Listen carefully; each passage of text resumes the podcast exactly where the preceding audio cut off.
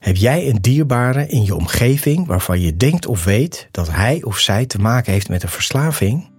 Of worstel je zelf met een verslaving? Dan ben je hier op de juiste plek. Mijn naam is René van Kolm en na 30 jaar verslaving ben ik clean en in herstel vanaf 2010 en werk ik sinds 2015 als familiecounselor. Dit houdt in dat ik die mensen in de directe omgeving van iemand met een verslaving help. Want als je dicht bij iemand staat die verslaafd is, is het echt belangrijk dat je weet wat je wel en beter niet kan doen. In deze podcast, in samenwerking met Lev Magazine, neem ik je mee in de wereld van verslaving en de verslaafde. En leer ik je met mijn kennis en ervaring hoe jij hiermee om kan gaan, wat herstel is en wat je kan doen om jouw dierbaren te helpen en zelf overeind te blijven.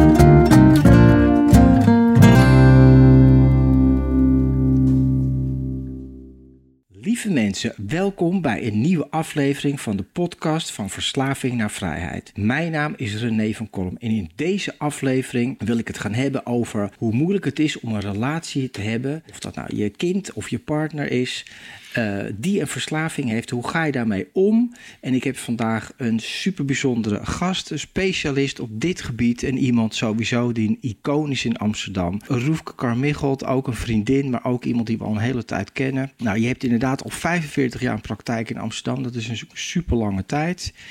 En uh, daarin zie je gezinnen families met allerlei soorten problemen, natuurlijk ook met verslaving. Ja.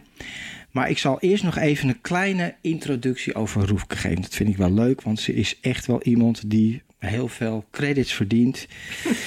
nou, 45 jaar relatietherapeut. Alle denkbare problemen zijn voorbijgekomen. En natuurlijk ook mensen met een verslaving of partners of kinderen met een verslaving. Nou, over Roefke is al 60 jaar met haar jeugdliefde Frank, wat ook super mooi is. Woont Amsterdam in een grachtenpand. Nou, je praktijk, hè, het is, je zou denken, want hoe oud ben je Roefke als ik vraag 80. 80? 80, Nou, zou je toch echt een beetje rustig aan moeten doen, maar niets is minder waar. Want volgens mij heb jij het nog super druk. Ja, ik werk nog steeds hartstikke veel. Ja, dus dat gaat gewoon maar door, dat gaat maar door. Nou, je bent voor heel veel mensen eigenlijk heel super bekend al. Uh, ik heb artikelen in het Parool gezien, in de Happiness, Flow magazine, een paar keer op televisie uh, ben je geweest, ben je benoemd. Uh, nou, of, weet je, als je op jou googelt, dan zie je eigenlijk overal en nergens je naam vandaan komen. Je bent echt wel een icoon, vind ik. En wat mooi is, hoe ik jou heb leren kennen, is... Uh, nou, jij werkt al samen met mijn vrouw. Hè? Jullie sturen af en toe mensen naar elkaar toe. Ja. En uh, nou, Margrethe kwam mij tegen en er was een probleempje met mij. En dat probleempje, dat heette een hele grote verslaving. Uh, maar wat er gebeurde, op een gegeven moment kwam ik in herstel van mijn verslaving, gelukkig. En dat ging, ik werd clean. Maar daarmee was het probleem nog niet opgelost. Want wat ik merkte, en dat, deze aflevering gaat erover, is van hoe ga je nou een relatie aan en hoe werkt dat? Want ik merkte toen ik clean werd, dat ik eigenlijk totaal niet wist hoe een relatie werkt, hoe je dat goed kan doen. Omdat ik kom uit een dysfunctioneel gezin, moeilijk gehecht, eigenlijk geen verbinding echt onderling. Ik zeg altijd, er waren vier mensen in huis, maar geen gezin. Nou, trauma aan de ene kant, gedoe aan de andere kant, maar niet praten met elkaar. En ik weet ook, ik heb heel veel relaties gehad, heel veel vriendinnetjes. Maar me echt verbinden met iemand, zoals ik dat nu met Margreta wel kan doen, dat, nou, dat was er niet en dat kon ik ook niet. Ik ben nu deze week met Margreta tien jaar getrouwd. Tien jaar, ja. En, gezondheid. Ja, gezondheid. En veertien jaar samen. Nou, dat is voor mij een hele grote uh, achievement. Maar ik weet nog, ik weet niet meer precies wanneer het was. Misschien was ik een jaar clean, misschien een half jaar. Dat ik, ik hield ziels, en nog steeds zielsvel voor Margrethe. Maar ik had zoiets van, ik kan dit niet. Ik weet niet hoe het moet. Ik weet niet hoe een relatie moet. En toen uh, zijn we... Dan moet je naar Roefke toe als er een probleem is in een relatie. Dus we kwamen bij jou eigenlijk met het idee van... Nou, we houden van elkaar, maar ik weet, ik kan dit gewoon Maar hoe vier je het houden van? Ja, hoe hou je dat vol? Hoe hou je dat in stand? Ik kon dat niet. Ik wist niet dat daarmee is om. En toen kwamen we bij jou eigenlijk dat we dachten... we gaan heel liefdevol uit elkaar. En... Uh, maar ik, kan, ik kon het gewoon. Ik wist gewoon niet hoe ik dat moest doen. En dus mijn, ik ging naar die sessie toe met jou, met mijn in mijn achterhoofd van we gaan uit elkaar en wel in liefde en met heel veel tranen en heel veel buikpijn. Maar aan het einde van de sessie zaten we weer hand in hand en gingen wij weer verder. Dus Je doet... Ik ben niet van het breken. Nee, maar je en dat was er ook niet toen. Nee, dat was er ook niet. Maar dat was natuurlijk toch wel dat bijzonder. Paniek. Ja, het was paniek. Ja. nou, dit zal je zeker uh, vaker tegenkomen. Maar ook even over jou, Roefke. Wat is jouw ja, relatie met verslaving? Waar ken je het van? Waar, waar kom je? Want je hebt het al lang geleden ben je het al tegengekomen, toch in je werk? Ja, ik ben het in, in oorsprong tegengekomen toen ik ging eerst als vrijwilligers. Als vrijwilligster ging ik werken in de Jelinek. En dat was voor mij de ideale plek om, om dat het toen de Jelinek was toen nog heel klein. Ja. Er was een grote uh, mannenkliniek en er was een piepkleine vrouwenkliniek. En vrouwen die werden eigenlijk zo'n beetje behandeld zo van, nou ja, drinkende vrouwen, wat moeten we daar nou mee? Want dat kennen we niet zo goed. Toen was eigenlijk de drugs nog in een heel laag stadium ja. van verslaving. Mhm. En vrouwen halen op alle gebieden de mannen in, dus ook op verslavingsniveau. En dat heeft zich later ook eh, zeg maar voortgezet, omdat we eerst in dat één persoons, één gezinshuis op de Linnaeus Parkweg woonden. En daar woonden iets van veertien vrouwen. En die hadden dan wel een kamer met z'n vieren. En we hadden een heel klein gymnastiek lokaaltje, namelijk touwtjes springen en gewicht heffen. Meer gymnastiek uh, was er niet. We hadden een huisdokter en verder hadden we sociotherapeuten en behandelaars. En ik werd daar vrijwilligster, omdat ze toen via een oproep lieten weten: we hebben mensen nodig die vrouwen die verslaafd zijn weer helpen om ook gewoon uh, de levensfeiten opnieuw te leren uitvinden. Ja. Zoals simpel, hoe schrijf ik een giro uit? Ja. Of hoe kom ik naar het Centraal Station als ik in het weekend vrij ben en naar huis mag? Ja. Hoe kom ik langs het station met al die enge stegen, namelijk de Zeedijk en aanverwante stegen? Want die vrouwen die bleken het heel eng te vinden omdat ze steeds aangesproken werden in de stad met weer bruin, weer wit. Ja. En ik ging met hun die wandelingen maken, zodat ze zich gingen prepareren. Waar zou het gevaar oppoppen? Ja. Nou, ik ben een blinde kip, want ik gebruik niks. Dus ik zie niks liggen onder een tegel en niks liggen iemand die mij met zijn vingertje wuift van... Uh, hallo, uh, kan ik jou ergens mee bedienen? En die vrouwen die hadden dat in halve seconde door. En ik probeerde ze in af te leiden en ze te realiseren. Je kan een andere route nemen of je kan jezelf blootstellen aan het gevaar en kijken of je het gevaar kan weerstaan. Ja. Nou, dat was toen mijn opdracht. Dus eigenlijk de triggers die er gewoon zijn, die er overal zijn, daarmee leren omgaan. Ja, ja, ja en dat was natuurlijk heel komisch, omdat ik daar niet gevoelig voor ben. Uh, zag ik ook niet de, de uitlokkende plekken. Ja, ik zag wel toen. De Zeedijk, we hebben het over 40 jaar geleden, Ja. 45 jaar geleden, langer nog. zag je natuurlijk ook dat was natuurlijk een verwaarloosde area waar de drugs gewoon om je oren vlogen, wat nu niet meer zo is. Nu bestel je gewoon Ja. de scooterman. Nu bestel je het gewoon online Ja. of een scootertje. Ja. En dat, eh, nou, dat is ander materiaal. Maar in die kliniek, werkend, werd ik bevangen door een ontzettend heerlijk gevoel van... dit is mijn toekomst, ik wil behandelaar worden. En van oorsprong ben ik eh, opgeleid op de Rietveld Academie. Daar ben ik eerst begonnen. En ook nog op een modeacademie. Maar ik voelde dat ik daar mijn hart niet kwijt kon. En ik merkte dat ik in, in, zelfs onopgeleid toen ik vrijwilligster was, dat ik het heel goed kon. Dat ik duidelijk kon zijn, dat ik streng kon zijn, dat ik hulpvaardig kon zijn. En dat ik het ontzettend spannend vond om uh, mensen op het, ja, in hun gezondheid terug te brengen. Ja, mooi. En toen ben ik gaan studeren. Mhm. Toen heb ik een, dit vak als therapeut Ja. tot mij genomen. En omdat het zo'n kleine instelling was, was het ook fantastisch, want we konden allemaal uitvinden. En ik merkte al heel spoedig dat alle moeders naar huis gingen het weekend. Dat er nooit naar de kinderen en nooit naar hun echtgenoot werd gevraagd. Of naar hun moeders of partners. Precies, Geef ja. het een naam. Ja. En zelfs de hond of de poes.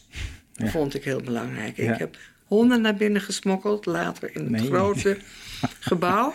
Op het moment dat een klant afscheid van mij nam, Ja.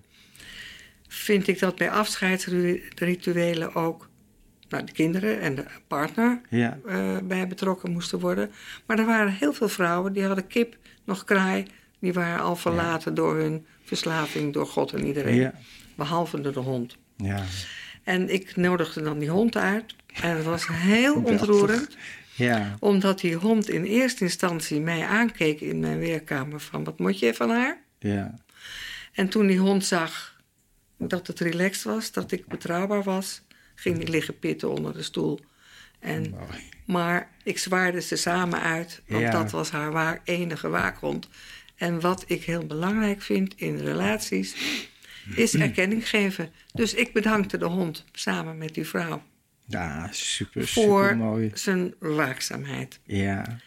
En nou, zo is het begonnen. Ja, maar de, waar je eigenlijk gelijk over praat, is die verbinding. Die is zo belangrijk. Hè? Want verslaving is per definitie iets wat alle verbinding verbreekt. Hè? Ja. Ik zeg altijd dat eh, addiction kills connection. Dus, hè, dus het haalt je allemaal uit elkaar. Het maakt je eenzaam, isolement. En dat weer terugbrengen eigenlijk daarvan, dat, dat, dat, dat ben je gaan doen. Ja, En, en daarna, hoe is het verder gegaan? Nou, toen ik afgestudeerd was op de VO, dat was de voortgezette opleiding eh, Relatie- en Gezinstherapie. Toen had ik bij de opleiding Relatie- en Gezinstherapie intussen een hele belangrijke vrouw ontmoet die contextuele therapeut was. Dat is nu een van mijn allerliefste vriendinnen, Else Marie van de Eerbeem. Maar zij was ook al in Amerika opgeleid door dokter Bartolomei Notch voornaam Iwan. En zij zei: Ik denk dat jij en Iwan een fantastische ontmoeting kunnen hebben. Nou, dat is ook gebeurd. En dat was wederzijds. En hij vroeg me toen ik afgestudeerd was of ik in de masterclass bij hem les wilde geven. En toen heb ik negen jaar samen met Else Marie en Nelly Bakhuis en Iwan Notch de masterclass gedaan. Hij kwam dan uit Amerika om les te geven, live zittingen.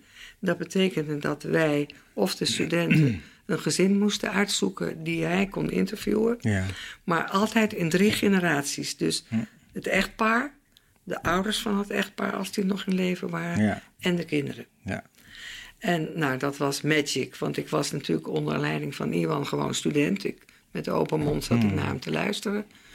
Maar daar zit mijn diepe scholing door dat geluk dat ik gevonden ben door hem. ja, En gebleven ben. ja, En toen ben ik tegelijkertijd ook mijn eh, praktijk begonnen. En dan denk je bij de eerste, nou, ik weet niet of de deur nog ooit, eh, of de bel nog ooit gaat. ja, Maar de bel gaat nog steeds en ik heb nog steeds ontzettend druk. En ja. ik vind het nog steeds elke dag magic om de deur open te doen en te kijken.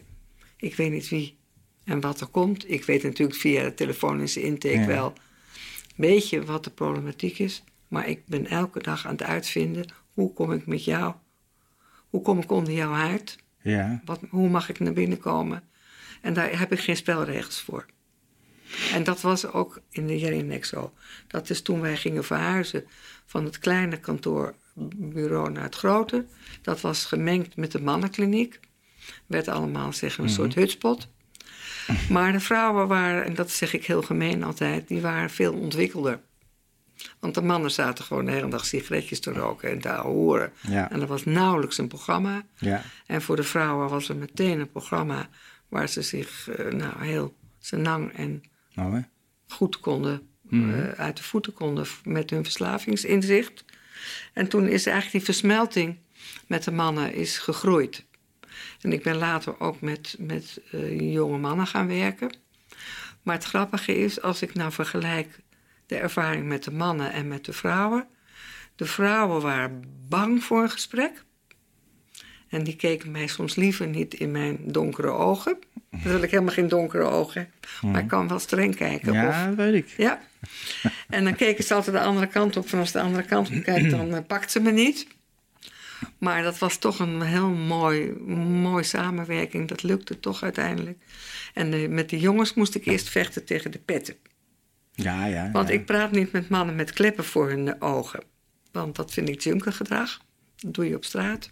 En dan zei ze, wat maakt dat nou uit met die pet? Ik zei, maar ik wil je zien. Ja. Ik wil niet tegen een klep aankijken. Nou, dan was het menszeur niet en strijd. Maar uiteindelijk Ja. won ik. Niet door gezag, maar wel door geduld. En dan, ja, dan En wat ik dan ontzettend leuk vond, was dat om te ontdekken hoe onhandig mannen troosten. Want die slaan keihard op elkaar terug. Ja, dat nou Jan, ik. ja? Nou Jan, goed Ja. gedaan hoor Jan. En dan huppakee, weer een ram op hun rug. Ja. Een prachtig manier om te ontdekken hoe mannen troosten... of hoe mannen heel moeizaam praten. Ja. Want die zijn niet gewend om over hun gevoelens te praten. Maar als dat lukte... en dan waren het vaak... zag ik ineens dat ze vier waren Ja, bange precies. vierjarige jongens die heel veel verdriet in hun leven hadden. Ja. Vaak heel veel trauma's, heel veel schaamte. Hm. Maar bij de vrouwen was het natuurlijk ook veel grotere schaamte, omdat die vrouwen vaak een gezin hadden, zich doodschaamden over Ja, het schoolplein. bent Want een dronken vrouw die, Ja. die hun kind niet op kon halen omdat ze op de bank eh, besopen ligt en de tijd vergeten is, die wordt door het hele schoolplein Ja. afgezeken, om het maar even plat Amsterdams. En bij mannen is het van, ach ja, hij heeft gelukkig een vrouw die het oplost. Ja, ja, Ja. hij is gewoon Ja, dat wordt, ja. Dat was een ongelooflijk groot verschil met de mannen en de vrouwen. Ja, ja, waanzinnig. Heel herkenbaar. En zeker ook dat herkenbaar van, eh, dat zie ik zelf ook, maar dat herken ik zelf ook wel. Dat heel veel mannen zo vastzitten op dat stuk. En dan op alle mogelijke manieren dat gaan vermijden. Wegstoppen, niet praten. Nou ja, gokken, gamen, drugs, alcohol, seks. Het maakt eigenlijk niet uit. Hè? Nee. Om maar niet bij dat gevoel te komen. Hoe, Ja. wat denk jij, wat, zou dat dan zijn? Dat vrouwen dat überhaupt makkelijker kunnen praten over gevoelens dan mannen? Nou ja, wij zijn natuurlijk van oorsprong, zijn wij van de vuurpot. Wij zitten met z'n allen boontjes te pellen en rond de vuurpot intussen kinderen groot te brengen en Ja. op te letten. En de mannen waren weg om beesten te jagen, om het maar even flauw te zeggen. Ja, Dat, wat natuurlijk de realiteit was. Dus Ja. wij zijn veel meer gewend. Ik bedoel, ik vind het zelf ontzettend grappig dat er een enorme cultuur is om. eh, het is een heel ander onderwerp hoor. Maar om zwangere vrouwen te begeleiden van de eerste seconde dat ze weten dat ze zwanger zijn tot en met de baring, is een hele, ja, Ja. een hele machinerie die die Klopt, vrouwen voorlicht en vertelt en oplet en meet en doormeet of die baby oké is. Nou, magic, fantastisch. ja. Dus daarom worden er, god lof, zo ontzettend veel gezonde kinderen geboren. En als ze niet gezond zijn, ieder geval al gemonitord. Mhm. Maar van oorsprong zitten wij Ja. eh, op die kookpot. praten. En, intussen verhalen. gaat er iemand Ja. baren. En Ja. de vroedvrouw van de kookpot leert de andere vrouw hoe je baren eh, moet begeleiden. Dus wij zijn gewend om elkaar te bevragen. Hoe voel je je? Hoe gaat het? Als er iemand sterft, idem dito. Hè, wij hebben veel mooiere rituelen. ontmoetingsrituelen ontvouwen. Hè? En mannen hebben dat niet geleerd. En Nee. dat is niet omdat ze het niet kunnen, maar omdat ze dat toen niet hoefden te leren. Ja. Want dat was helemaal uit elkaar. Het mannenbolwerk en het vrouwenbolwerk. Ja. En nu is het zo mooi dat jongens niet meer schrikken. Als ik jonge pubers in mijn kamer heb, vind ik het ongelooflijk hoe goed die tegenwoordig ook over hun gevoel en hun seksualiteit kunnen praten. Ja, mooi. Los van verslaving. Ja, Ja. ja. Dus Hey. er is echt een groei in. Ik mag gewoon vertellen wat ik voel. Ja, ja, ja, nou dat is mooi. Nou, ik merk ook wel in mijn werk dat er nog wel een hele slag te winnen is. Maar het is wel gewoon om over je gevoel te praten dan vroeger. Dat is het zo. Vroeger Ja. gebeurde dat natuurlijk Ja. standaard Ja. niet. Maar praten over geheimen, daar is denk ik nog steeds een groot gat te, te dichten. Mhm. Want daarom komen zoveel mensen er pas laat achter dat iemand iets voelt en dat niet verdraagt. Ja. En het oplost met blowen, koken, Ja. kan mij het schelen. Hè? Ja, Maakt mij niet zoveel uit. Nee, het is allemaal hetzelfde. Eh, alcohol is voor mij herkenbaarder omdat ik wel drink. Ja, En ook wel eens dronken ben geweest. ja. Maar coke en, en ecstasy en dat soort middelen heb ik mij nooit aan gewaagd. Nee, Zonder commentaar. Maar misschien vind ik het te lekker. Ja, Maar ik heb er ook helemaal geen behoefte aan, aan het beginnen. onderzoek. En nu ga ik er niet meer aan beginnen. Nee. Wie weet, nee, nee. weet voorlopig niet. Hey, en in jouw praktijk kom je natuurlijk ontzettend veel mensen tegen. Het is ook een beetje net wat je zegt, de deurbel gaat hè, en, en wie zal er voor de deur staan. Maar ja, hoe vaak kom jij toch verslaving tegen in jouw praktijk, zeg maar? Links of rechts, kinderen, partners van? Ik heb een radar voor. Ik heb een gek radar voor ADD of ADHD. En ik heb een radar voor gebruik. En meestal zeggen mensen, ja nee, dat betekent helemaal niks. En Ja, eh, die ken ik. ja, enzovoort, enzovoort. Ja. betekent helemaal niks. Maar als je dan doorvraagt en doorzoekt Ja, en het niet opgeeft, kom je achter geheimen. Mhm. Of je bent er op tijd bij. Wat dus ook wel heel vettig is, dat je er op tijd bij bent, dat iemand zich ineens realiseert. Maar waar ben ik begonnen met pijnbestrijding? Ja, pijnbestrijding. Ja, zo noem Ja, ik dat. ja, ja, ja, ja. Ik heb nog nooit gedronken. Al Eén keer ben ik weggelopen thuis, Ja, omdat ik kwaad op mijn man was. En ik dacht, ja, godverdomme, ik loop gewoon weg. En ik, toen dacht ik, ik ga naar een café. Maar ik ben geen cafébezoeker.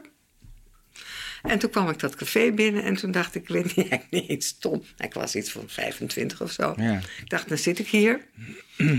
Wat moet ik nou bestellen? ja, ja.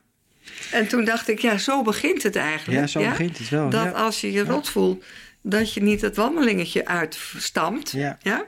maar dat je een consumptie zoekt. Dus alles via het bekkie. Ja, ja? Ja, pijn, ja, ik vind het heel mooi. Pijnbestrijding moet ik echt onthouden. Maar dat is het wel, hè? Dat Ja. is, dat dus toen ben ik rechtsomkeerd gegaan, Ja. omdat ik dacht, nee, ik ga hier niet Ja. eh, iets nemen om... Ik ben, blijf gewoon lekker boos. Ja. En ik ga het zo uitwerken met hem. Ik zit Ja. te stampen op de tafel. Ja, dat is niet handig. nee, maar dat, dat, dat is natuurlijk fantastisch. Maar dat klinkt ook nog dat je dan heel erg nadenkt over het proces. Hoe ga ik dat doen? Maar bij heel veel mensen gebeurt dat natuurlijk precies niet. En die Dus ze weten het wel, maar ze houden hun kop. Ja, maar die zoeken toch hè, de- voor die pijn of voor dat ongemakkelijk gevoel, boosheid, verdriet, wat dan ook, toch een directe oplossing. Nou, dan zijn, die zijn natuurlijk makkelijk te vinden. Maar die heb ik ook. Ja, Ik bedoel, Ik dacht dat altijd als mijn moeder doodgaat, Ja. ga ik roken. Geen ene seconde, ik rook al 30 jaar niet.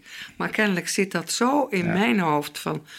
als ik me niet kan ontspannen, dan moet ik dat sigaretje nemen. Ja, nou, ze ging dood en ik heb geen seconde aan het hele sigaretje gedaan. Maar- maar dat waarom- woont ergens Ja. diep in je, ja, die, die troostgebaren. Nou, Ja. ik kan ook chocola nemen om te troosten. Of omdat ik het lekker vind. Maar ik heb er niks voor gedaan om niet in de depressievalkuil te vallen. Ik heb gewoon geen aanleg. Maar ik heb er ook niks voor- gedaan om geen verslaving op te bouwen. Terwijl ik het om me heen ja, het zal de best. hele dag zie. Ja, dus je komt het wel heel veel tegen in. Ook met mijn eigen kinderen hoor. Ja, En met mijn eigen kleinkinderen. ja, Ik vind verbijsterd, verbijsterd hoeveel jonge vrouwen ook op dit moment Ja. ik in de praktijk heb, die heel zwaar zijn. En die zijn allemaal jonge studenten die de hele week zuipen. Ik heb er geen ander woord voor, want dat is niet drinken. Zuipen, ze worden te zwaar, ze worden ongelukkig, ja. maar het moet van de groep. En dat zijn de jongeren die zo groepsgevoelig zijn. ja. En die dan ook weer hun maat niet weten.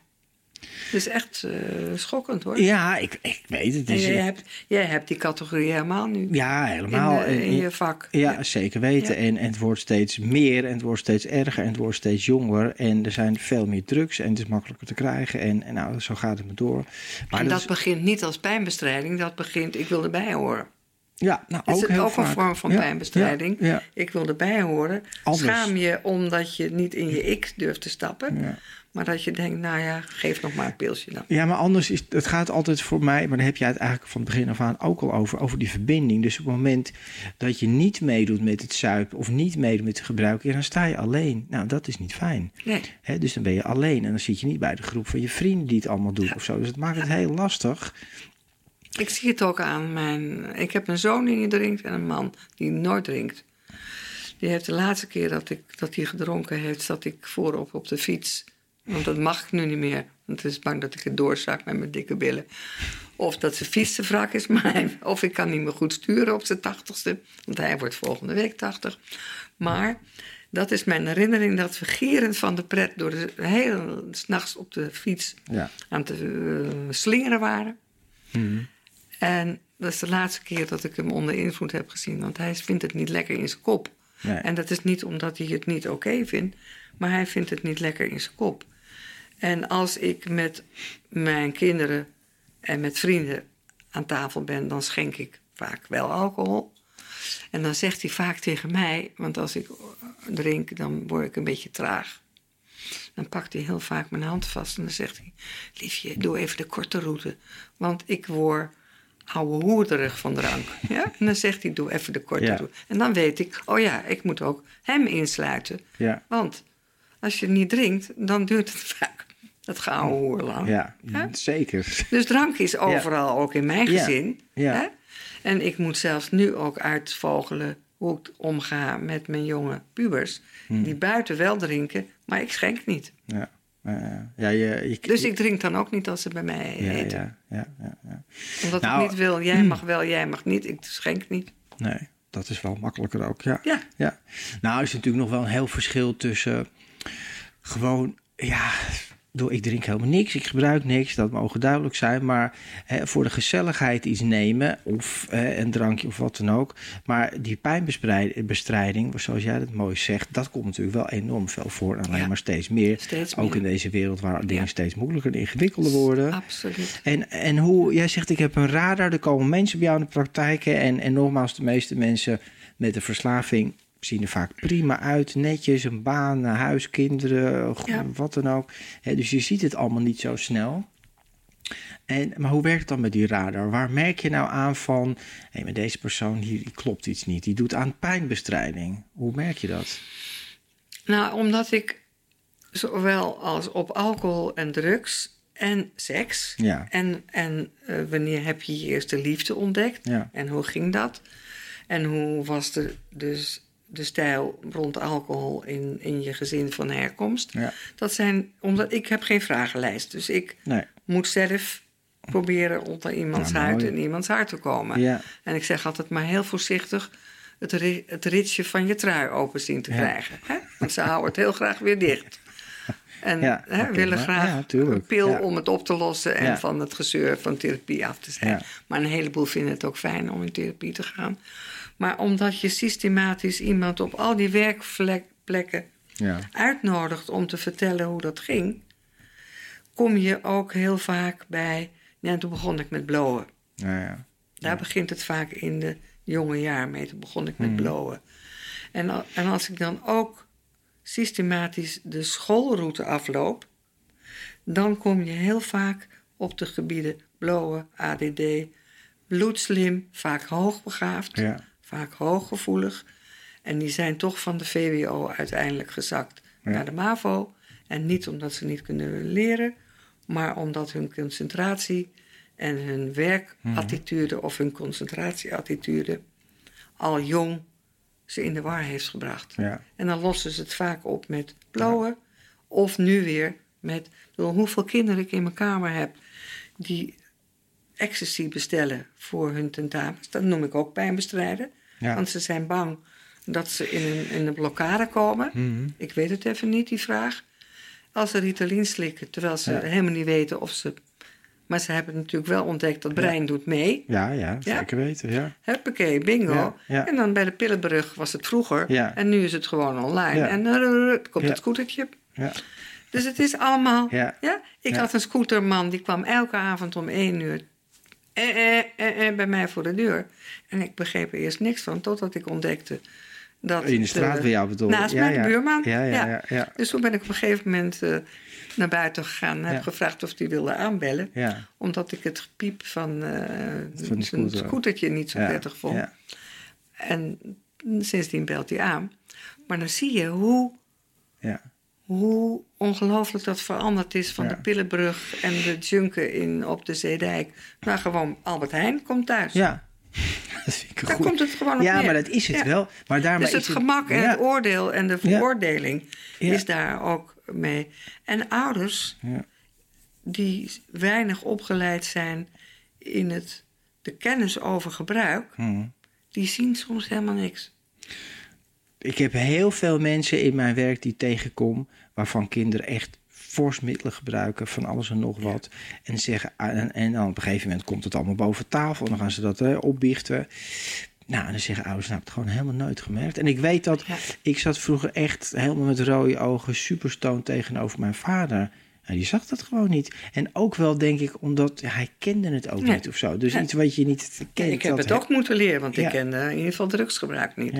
Ik kom wel uit een, uit een familie en een schoonfamilie waar, waar gedronken werd. Ja, En nou ja, mijn schoonvader Simon Carmichel, die kon daar ook vrolijk over praten. En die is grappig genoeg al, ik geloof 20 of 25 jaar voor zijn dood opgehouden met drinken. Hm, En zoals hij wel eens zei, ik word godverdomme ongesteld van tomatensap, omdat hij niet meer mocht drinken en op de tomatensap ging. ja. Maar hij kan zo leuk vertellen over dronken zijn, dat iedereen altijd heeft gedacht dat hij nog dronk. Hij dronk helemaal niet meer. Maar ik heb natuurlijk daardoor ook gewoon eh, in mijn eigen leven ook gezien. En Ja. nog steeds wat Ja. het effect van alcohol is. Ja, ja. Minder, minder met drugs, wel met blowen. Ja.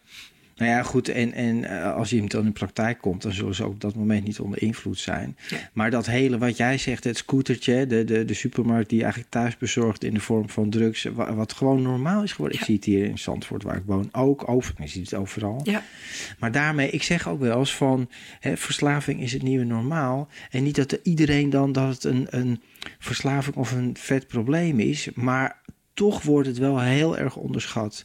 Want het zijn geen Smarties en het zijn geen M&M's, geen reclame. Eh, maar, hè, nee, maar dat is toch wel heel gek. Ja. En, en ik zie dat er echt een golf van problemen. Want wat het ook is, als je nou elk dingetje, een tentamen of een moeilijke relatie of een pijnstuk of noem het maar op, hè, wat jij mooi zegt, pijnbestrijding, maar oplost met een pil, dan leer je dus nooit om te gaan met ja. Het leven, verdriet, eh klote ja dat is een beetje die exposure wat ik met die vrouwen deed. ja. Hè, in die wandelingen. precies. Ja, Blijven voelen wat je voelt. Maar dan niet terugvallen op, kan mij het schelen, ik neem gewoon nou een, een, een pil of een, maakt niet uit wat ze wilden. ja, Maar die exposure leren verdragen. Hm. En als dat lukte, nou, dan hielden ze ook, dan vielen ze niet terug. Maar als je die exposure niet oefent met mensen. ja, En we zijn steeds, we zijn zo'n consumptiemaatschappij geworden. ja, Ja? Dat dit hoort er eigenlijk gewoon bij. Ja. Plus, ja. Er wordt wel voortdurend over cultuuromslag. bedoel, vroeger kon je met één pak van Albert Heijn anderhalve liter eh, rode wijn was je besopen. Mhm. En dan vroeg iedereen zich af, ja, hoe kan het nou? Want er waren geen flessen in het keukenkastje te vinden. Want dat pak karton wisten die vrouwen heel goed weg te moffelen. Ja? Om eens even een voorbeeld te geven Ja. uit die eerste jaren van Ja. vrouwen. Die dronken dus altijd die vieze, gore ja. wijn. Pakken. En waar die kinderen en die mannen dat aan zagen, was niet aan het pak of aan de flessen die verstopt waren. Want vrouwen gooiden het gewoon in de lodelineflessen, in de afwasmiddelflessen. Ja. Want ik doe toch niks? Ja? ja. En dat was, vond ik altijd zo interessant, het verschil tussen mannen en vrouwen. Vrouwen drinken de, de hele dag als je een alcoholprobleem hebt. ja. Steeds kleine shotjes. Steeds hadden het ook in hun tas. En pilletjes in hun tas als ze te zenuwachtig waren. Wat mannen ook niet hadden. Die namen geen valium in hun tasje. En die vrouwen dronken dan de hele dag kleine shotjes. Ja. En dan kwam die man thuis en dan zei hij... Hoi schat, zullen we gezellig even een borreltje nemen? Of aan tafel zullen we een glaasje wijn drinken? En dan was die vrouw heel snel bezopen. En die mannen en die kinderen begrepen er niks van... want ze heeft maar twee zulke glaasjes Maar er zat rosé al op. een heel pak in. Zo is dat, meneer. Ja, maar ja. dat hadden ze dus niet door. Ja, nee. Dus dan werden ze aangemeld voor Ja. een verslavingsbehandeling. Ja. En dan zeiden die partners vaak... Ja. Ja, ik snap er niks van. Je kan toch niet van ander glas, anderhalve glas rosé... in een kliniek opgenomen moeten worden voor drie maanden. Hoe zit dat nou? Ja. En dan merk je, en dat is een hartstikke leuke ervaring... Ik had een vrouw en die was ontzettend bezopen. En die had ook pancreatitis, dus van alcohol. Ja. En die werd opgenomen en ik moest haar interviewen over haar eh, relatieproblemen Ja. rond drank. dus toen zei die vrouw, nou, zij heeft het nou, ze- en zij was met een vrouw. Dat is een, een, een homohuwelijk. en toen zei ze, nou, zij heeft het nooit gesnapt, ze weet er niks van. Toen zei ik tegen haar, dan ben je wel met een blinde kip getrouwd. Nou, die vrouw kwam toen eh, op spreekuur en die kwam een hele mooie, hele grote, zware vrouw in de zeventig. En die kwam binnen en die zei: Ik voel mij ontzettend onhuisbejegend door u. Want u heeft over mij gezegd dat ik een blinde kip ben. Ja. Ik zei, nou, dat is heel ongepast. Dat is niet oké. Maar ik kwam erachter dat er zo weinig materiaal bij uw vrouw te melden was over jullie alcoholgevecht. Ja. En daardoor noemde ik u per ongeluk een blinde kip. Nou, het werd een eh, ontzettende leuke eh, huwelijkszitting. Ik heb ze een aantal keer gehad. En toen belde die vrouw mij op en die zei: Ik ben in de zeventig en ik heb onverwerkte dingen met mijn, partner, met mijn ouders uit te werken. En ik wil eigenlijk niet doodgaan voordat ik het heb uitgewerkt. Mag ik bij jou in de praktijk thuis dat uitkomen? Nou, heeft ze gedaan. Tot grote tevredenheid van haar en mij. En toen nam zij afscheid. En ik gebruik het dus nog steeds. Ja. En toen zei ze: Ik heb iets voor je laten maken. En toen pakte ze een cadeautje uit. En toen had ze zo'n kleine kip laten poetseren. Ja, mooi. Met een doekje Ja, ja. voor zijn ogen. Ja? Geweldig, ja. En ze zei: Er zullen veel blinde kippen in je kamer zijn. Maar ga door, want ik heb je vergeven over je opmerking. Ja. Want het was zo to the point. Ja, je hebt me daarmee gered. Ja. Dus af en toe als ik een blinde kip in de kamer heb, dan pak ik het kippetje, vertel dit verhaal. En dan ontdooit iemand en zegt. Je hebt me door. Ja, Ja? ja. Maar ja, zo is het. En het, je kan het ook niemand kwalijk nemen, maar mensen herkennen het niet. Alles is veel gewoner. Ja. En, en, en we zijn natuurlijk, het is ook zo, dan spreek ik voor mezelf. En mensen met de verslaving zijn natuurlijk absoluut de meesters in het verdoezelen, het verkleinen, het minimaliseren, het omzeilen van dat het gewoon niet zo is en dat het allemaal meevalt en iedereen doet het. Nou, en ga zo maar door. Ja. En het- als je overal die scootertjes hoort, zoals jij zo mooi vertelt, ja, wat is het probleem? Iedereen doet dat toch? Ja. Dus ja. Maar en als je nou, wat doe jij nou met de families? Hè? Want dit is ook echt voor de families van, de, de gezinnen van de partners, de kinderen van. Eh, iemand komt, ja, mijn vader drinkt te veel, eh, of mijn man, mijn vrouw, of mijn kinderen gebruiken dit wat. Wat zeg je dan tegen ze? Wat, wat ga je met ze doen? Nou, ik probeer eerst uit te vinden wat de verslaving is van die partner. Ja. Maar ik probeer ook uit te vinden wat het samenspel is in die verslaving. Mhm. Want heel veel partners en kinderen van verslaafde mensen, die hebben ook soms trauma's in hun eigen jeugd opgelopen Ja. en eh, trauma's van binnenuit. Mhm. Die zijn mishandeld door hun ouders. Er is Ja. verwaarlozing. Er is, en dat komt van binnenuit. Ja. En dus het verdriet over de pijn Je bedoelt van binnenuit, binnen het gezin? binnen het gezin of binnen het systeem. Ja, hè? ja, binnen de familie. En dat is het troostrijke. In, in, in ons geval, het komt van buitenaf. Mhm. Dan kan je iemand echt haten om. Ja? Maar als het je vader of je moeder is die niet voor je kan zorgen, Ja. dan wil je ze ontzettend blijven liefhebben en respecteren. Maar ook verafschuwen hoe ze je verwaarlozen en hoe ze je krenken. Ja. Nou, vaak zijn partners van mensen die een ernstige verslaving opbouwen, die hebben, een code, hebben al die codependency Ja. opgebouwd in hun eigen gezin. En dat kennen wij, ken ik en ik ken het in ieder geval wel, want ik wilde heel graag mijn hele leven mijn vader redden. Ja. Totdat ik op een gegeven moment dacht, ja, maar wat wil ik eigenlijk zelf? Ja. En als je daar niet aan toe komt, zet je het codependency voort. En vergeet je voor jezelf te zorgen. Ja. En die mensen raken ook weer uitgeput. En gaan gek genoeg zelf ook weer een verslavingskant op. Hmm. Waar ze in de oorsprong hun ouders met hun verslaving verafschuwen. Of ze trouwen met iemand met een verslaving. Ja, ja. heel herken, zo en dan wordt die cirkel Ja. maar weer in Ja. de volgende generatie. Ja. Nou, daarom was ik zo ongelooflijk dankbaar toen ik werkte in de Jelinek en niet meer vrijwilliger was, maar gewoon een therapeut. Want ik ben daar gaan werken uiteindelijk. Als relatie- en eh, gezinstherapeut. Maar omdat het niet bestond, Hmm. Mocht ik het met twee collega's, mochten wij het uitvinden. Ja, mooi.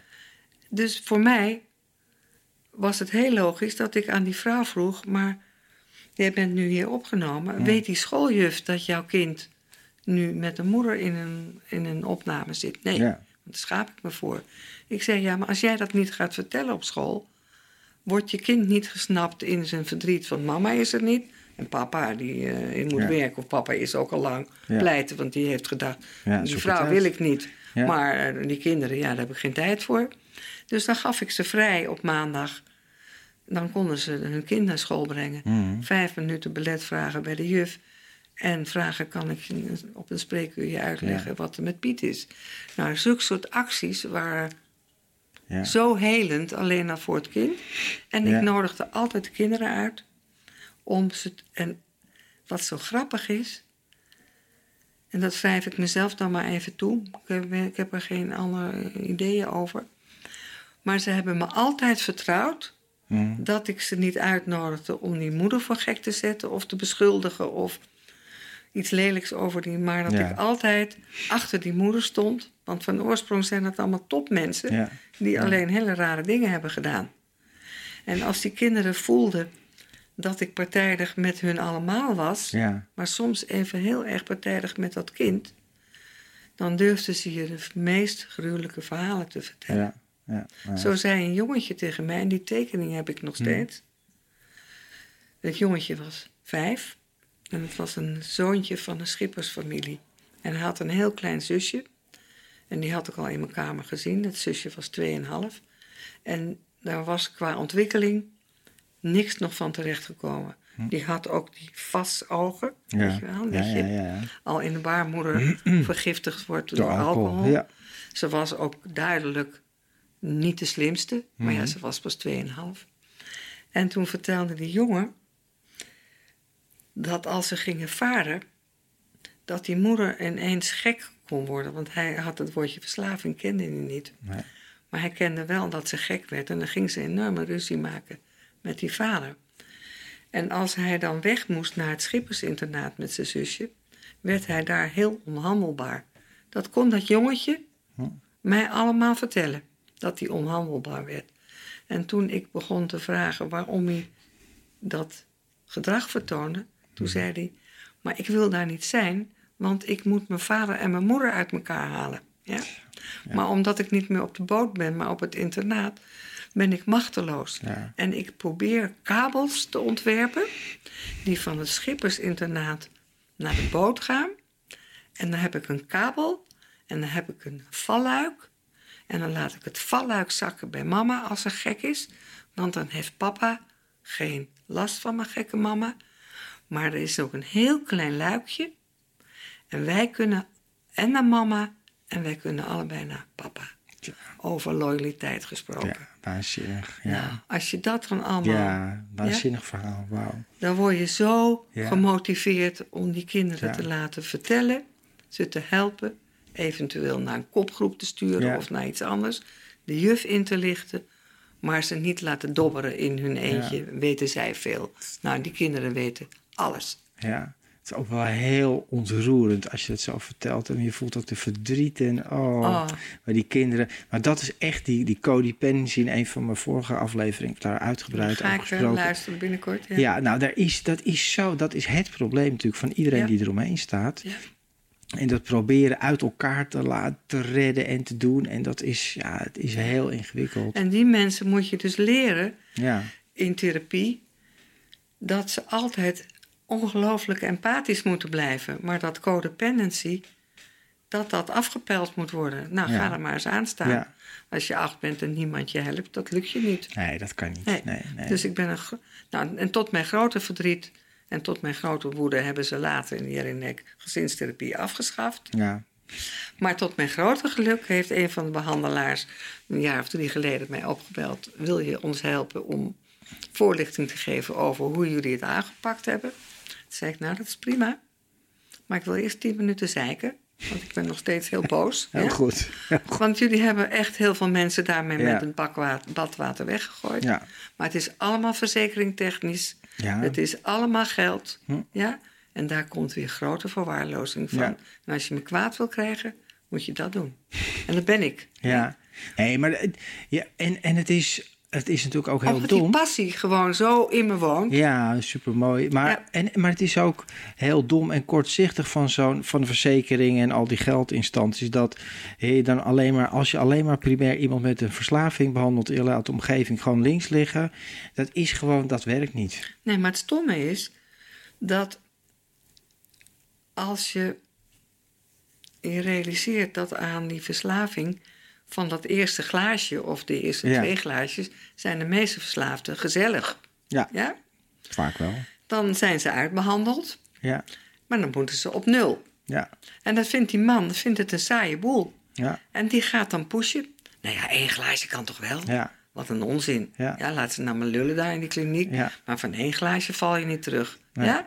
En dan begint het glazen opnieuw. Ja. En dan kom je erachter dat dat op ja, Ja, samenspel het samen, ja, ja, maar weer opnieuw begonnen is. En dat je weerloos bent tegen Ja. dat samenspel. Als je het niet voor gewaarschuwd wordt. Nee. Omdat je de partner behandelt en meeneemt. Het is ook saai als je het leuk vindt om te drinken. Seksualiteit en ontremming. ja, Mensen zijn vaak weer seksueel heel erg geremd. ja, ja. als ze niet meer drinken. Ja, en denk ik, vast. ga me dood Ja, over mijn blote lijf. ja, En dan gaat het niet meer over drinken, maar gaat het over dat ze seksuele problemen Ja. krijgen. Nou, als je dat allemaal mee kan nemen in die drie maanden opname, ja, ben je spekkoper. Ja. En de verzekering die, die vindt Ja. het af. Nou ja, ik snap geen bal. Nee, maar het is, het is onvoorstelbaar. Nee, maar het, het is, hè, dat is natuurlijk ook mijn werk, dat ik eigenlijk, en dat vind ik wel mooi in de plek waar ik werk, bij eh, Yes Weekend Clinics, dat, eh, dat als de jongeren daar worden opgenomen, de ouders of, het, of bonusouders, zoals ze het daar dan noemen, hè, verplicht zijn om mee te doen aan het programma. Omdat als je alleen, nou ja, en dat geldt ook voor volwassenen en partners in alle situaties, alleen diegene en de rest erbuiten laat. En, en natuurlijk iemand met verslaving komt thuis en die gaat ook de boel manipuleren, want dan gaat gewoon vrolijk door. Ja. Hè, en die mensen weten het ook niet. Ja, die, die Ja. zwichten al bij, eh, bij het eerste tien minuten. Dus dat, dat gaat hem niet worden gewoon. Mooi. Nou, lieve mensen, ik, ik wil Roefke heel erg bedanken voor dit gesprek en voor, voor eh, het aanwezig zijn. Die heeft me echt wel geraakt met allemaal dingen weer zeggen waar ik eigenlijk helemaal niet zo bij stilsta. Die gebruikt supermooie woorden. Ik vind je echt, je bent echt een bijzonder mens. Want wat jij 45 jaar al doet met nog zoveel liefde en passie en, eh, en bevlogenheid is toch ook heel bijzonder. Dat kan alleen maar als het daar vanuit je hart komt. Dus Ja, en dat is ook het enige instrument. De wijsheid, je hart en van mensen houden. ja, En nieuws, ongelooflijk nieuwsgierig zijn. Ja, nieuwsgierig. En wat ik bij jou ook zo mooi vind is, ik hoor niet dat oordeel erin van over die mensen, want anders kom je natuurlijk niet ver. Nee, nee, dat is wel echt mooi. Nou, lieve mensen, dank jullie wel voor het kijken en het luisteren naar deze podcast. Abonneer je op dit kanaal, want ik heb nog veel meer mooie verhalen, mooie mensen die hier komen. Deel het ook met elkaar. Like deze video als je wil, want er zijn nog zoveel mensen die zoekende zijn naar hoe ga ik om met als mijn partner, mijn kind, een familielid verslaafd is. En ik wil jullie daar heel graag bij helpen met alle informatie en mooie mensen die daar dingen over zeggen. Dus dank jullie wel voor het kijken en het luisteren. Ik zie jullie heel graag bij de volgende aflevering van Verslaving naar Vrijheid. Dank je wel. Bedankt voor het luisteren naar deze aflevering van Verslaving naar Vrijheid. Wil je mij een vraag stellen of heb je mijn hulp nodig? Neem dan contact met me op via mijn website renévancolum.nl.